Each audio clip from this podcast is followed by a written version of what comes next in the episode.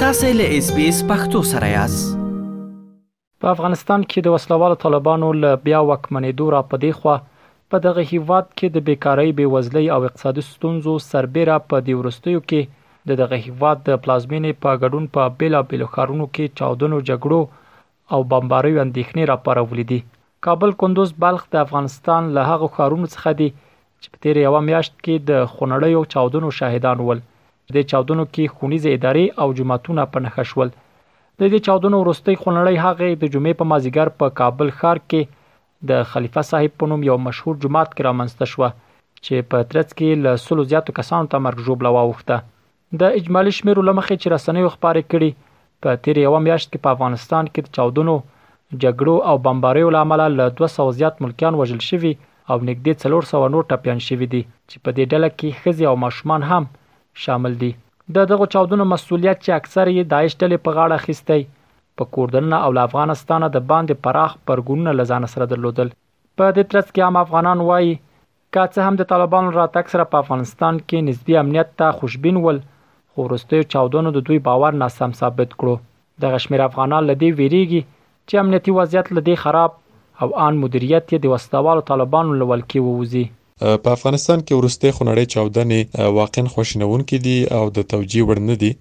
نو که څه هم په افغانستان کې اوس نسبي امنیت شته خو پر ملکي وګړو باندې دغسې خونړۍ بریدونه او چاودنې کولای شي چې دغه نسبي امنیت تر پوښتنې لاندې راولي. د موږ تمه دغه ده د مسؤلینو څخه چې په افغانستان کې د امنیت ټینګښت د پاره جدي هڅې وکړي او اجازه ور نه کړي چې بیا دغسې خونړي بریدونه چې اکثره قربانیان یې ملکي وګړي دي تکرار شي. که څه هم پر افغانستان د طالبانو له بیا ځلې واکمنۍ له اتو میاشتو زیات وخت کیږي په دومره وخت کې د تیر پر پرتله چاودنې او ځانمرګي بریدونه د پام وړ کم شوي وو، خو وروستیو کې یو ځل بیا زور اخیستی،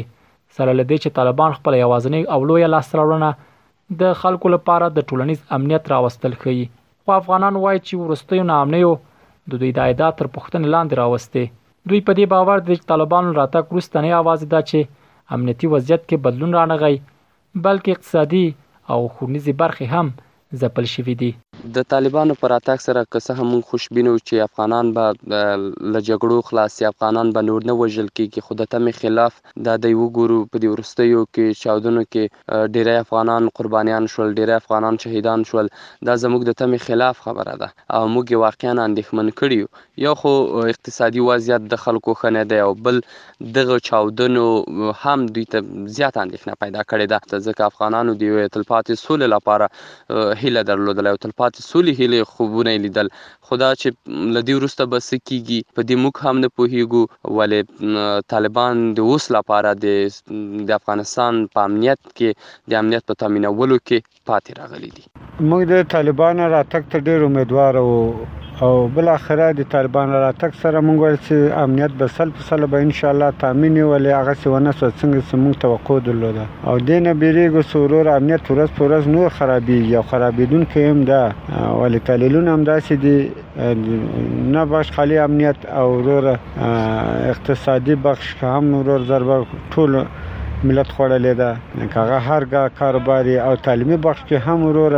د انجنکیو مکاتب ورور د موږ له امارات نه غواړي ورور د مکاتب ته اجازه ورکړي د خلکو امنیت دیم تامین کې موږ له امارات نه دا غواړو کنه تامینول قطعي دلیل دی وړاندې کې خلګو ته او ملت ته چې ورور مونږ پوه شو چې خبره چېرته ده او څنګه ده. په افغانستان کې په دغه موده کې د ملکي مرګ ژوبلې اوښتو سربېره طالب نظامیان هم د ځان په ساتنه کې پاتې راغلي دي. په تېره میاشت کې په کندوز، ننګرهار او کابل کې د دوی پر نظامي موټرو چاودنې وشوې چې له امله یې لسګونو کسانو ته پکې مرګ ژوبله واوښته. خو اوس دا پوښتنه راولاړېږي چې ایا طالبانو له راتګ او واکمنۍ وروسته افغانستان خوندي او سولې ته رسېدلی دی؟ د پوځي چارو شنونکي یې په اړه وایي، که څه هم پر افغانستان د طالبانو تر حاکمیت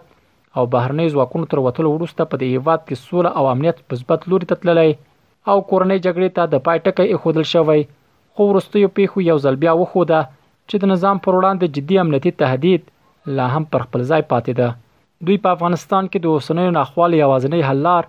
د یو ټولګډونه حکومت جوړېدل په ګوته کوي. د خارجي قواوو تر وتلو وروسته د طالبانو د حاکمیت د ایجاد وروسته په افغانستان کې صلح او امنیت مثبت لوري ته تللی دی، کورنۍ جګړه ختمه شوې ده، ولې وروستیو پېښو دا ثابته کړله چې د نظام په وړاندې باندې جدي امنیتي تهدیدونه موجود دي لا هم خارجي شبکې دلته فعاله دي چې د افغانانو ترمنځ د نفاق اچولو ترڅنګ د افغانانو د ژوند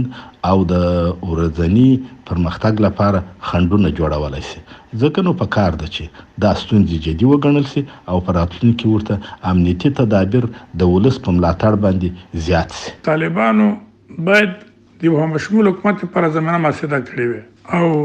ترڅو چې یو همشمول حکومت رانه شي داسې حکومت چې هم افغانان ته لپاره د منلو وړ وي او هم نړیوالو ته دا امنیت چې من ترغلې دا به ورځ په ورځ بیرته خرابېږي او دا بار بار ما دا خبرې کړې دي د افغانستان په میډیا کې اوس طالبان ته پکار ده چې څومره په جدي توګه کېدای شي چې څومره زر کېدلی شي هغه کمېسیون چې دوی ټاکلی دی، دغه کمېسیون پراخه کړي، د افغانانو سره په رابطه کې شي، د افغانستان سیاسي، ملي او قومي مشران، دیني او روحاني علما د دوی سره په تماس کې شي او د افغانستان په نظام او د عامهشموله حکومت په هکله ورسره ګډ تصمیم ونسي، ترڅو دغه هېواد د بحران نه راوځي او د ټولو لاسوهنو مخه ونیول شي دا د حل لار ده او کدا ونه کی امنیت ورځ په ورځ خراب کیږي او جنگ به او بل اخر به د هواد به ته کورې جګړې خواته ځي کچېری طالبان په داخل د افغانستان کې د خپل خلکو نه یو مشروعیت ترلاسه نه کی او لنړیوالو سره تعامل نه کی او بل مهمه خبر ده چې په امنیتي او کشفي ارګانونو کې له پخوانو کادرونو نه کار وانخلي موږ وینو چې ورستر بلې ځینې انفجارات کیږي او ځینې وړې ډلې حملې کوي دغه امنیت به په دوامداره توګه پاتې نشي خو له دې ټولو سره سره بیا د طالبانو د حکومت د کابل د امنیه قوماندانۍ ویاند خالد زدران د خلکو د غندښنو په جواب کې له اس بي اس رادیو سره په خبرو کې ورستیو چاودنې د هغو کړیو کار وباله په وینای غواړي به امن افغانستان نړۍ ته د یو ناامن هیواد په توګه ور وپیژني نو موري ډاډ ورکوي چې امنیتي ځواکونه په دې هڅه کې دي چې د دا ډول بریدونه مخه ونیسي،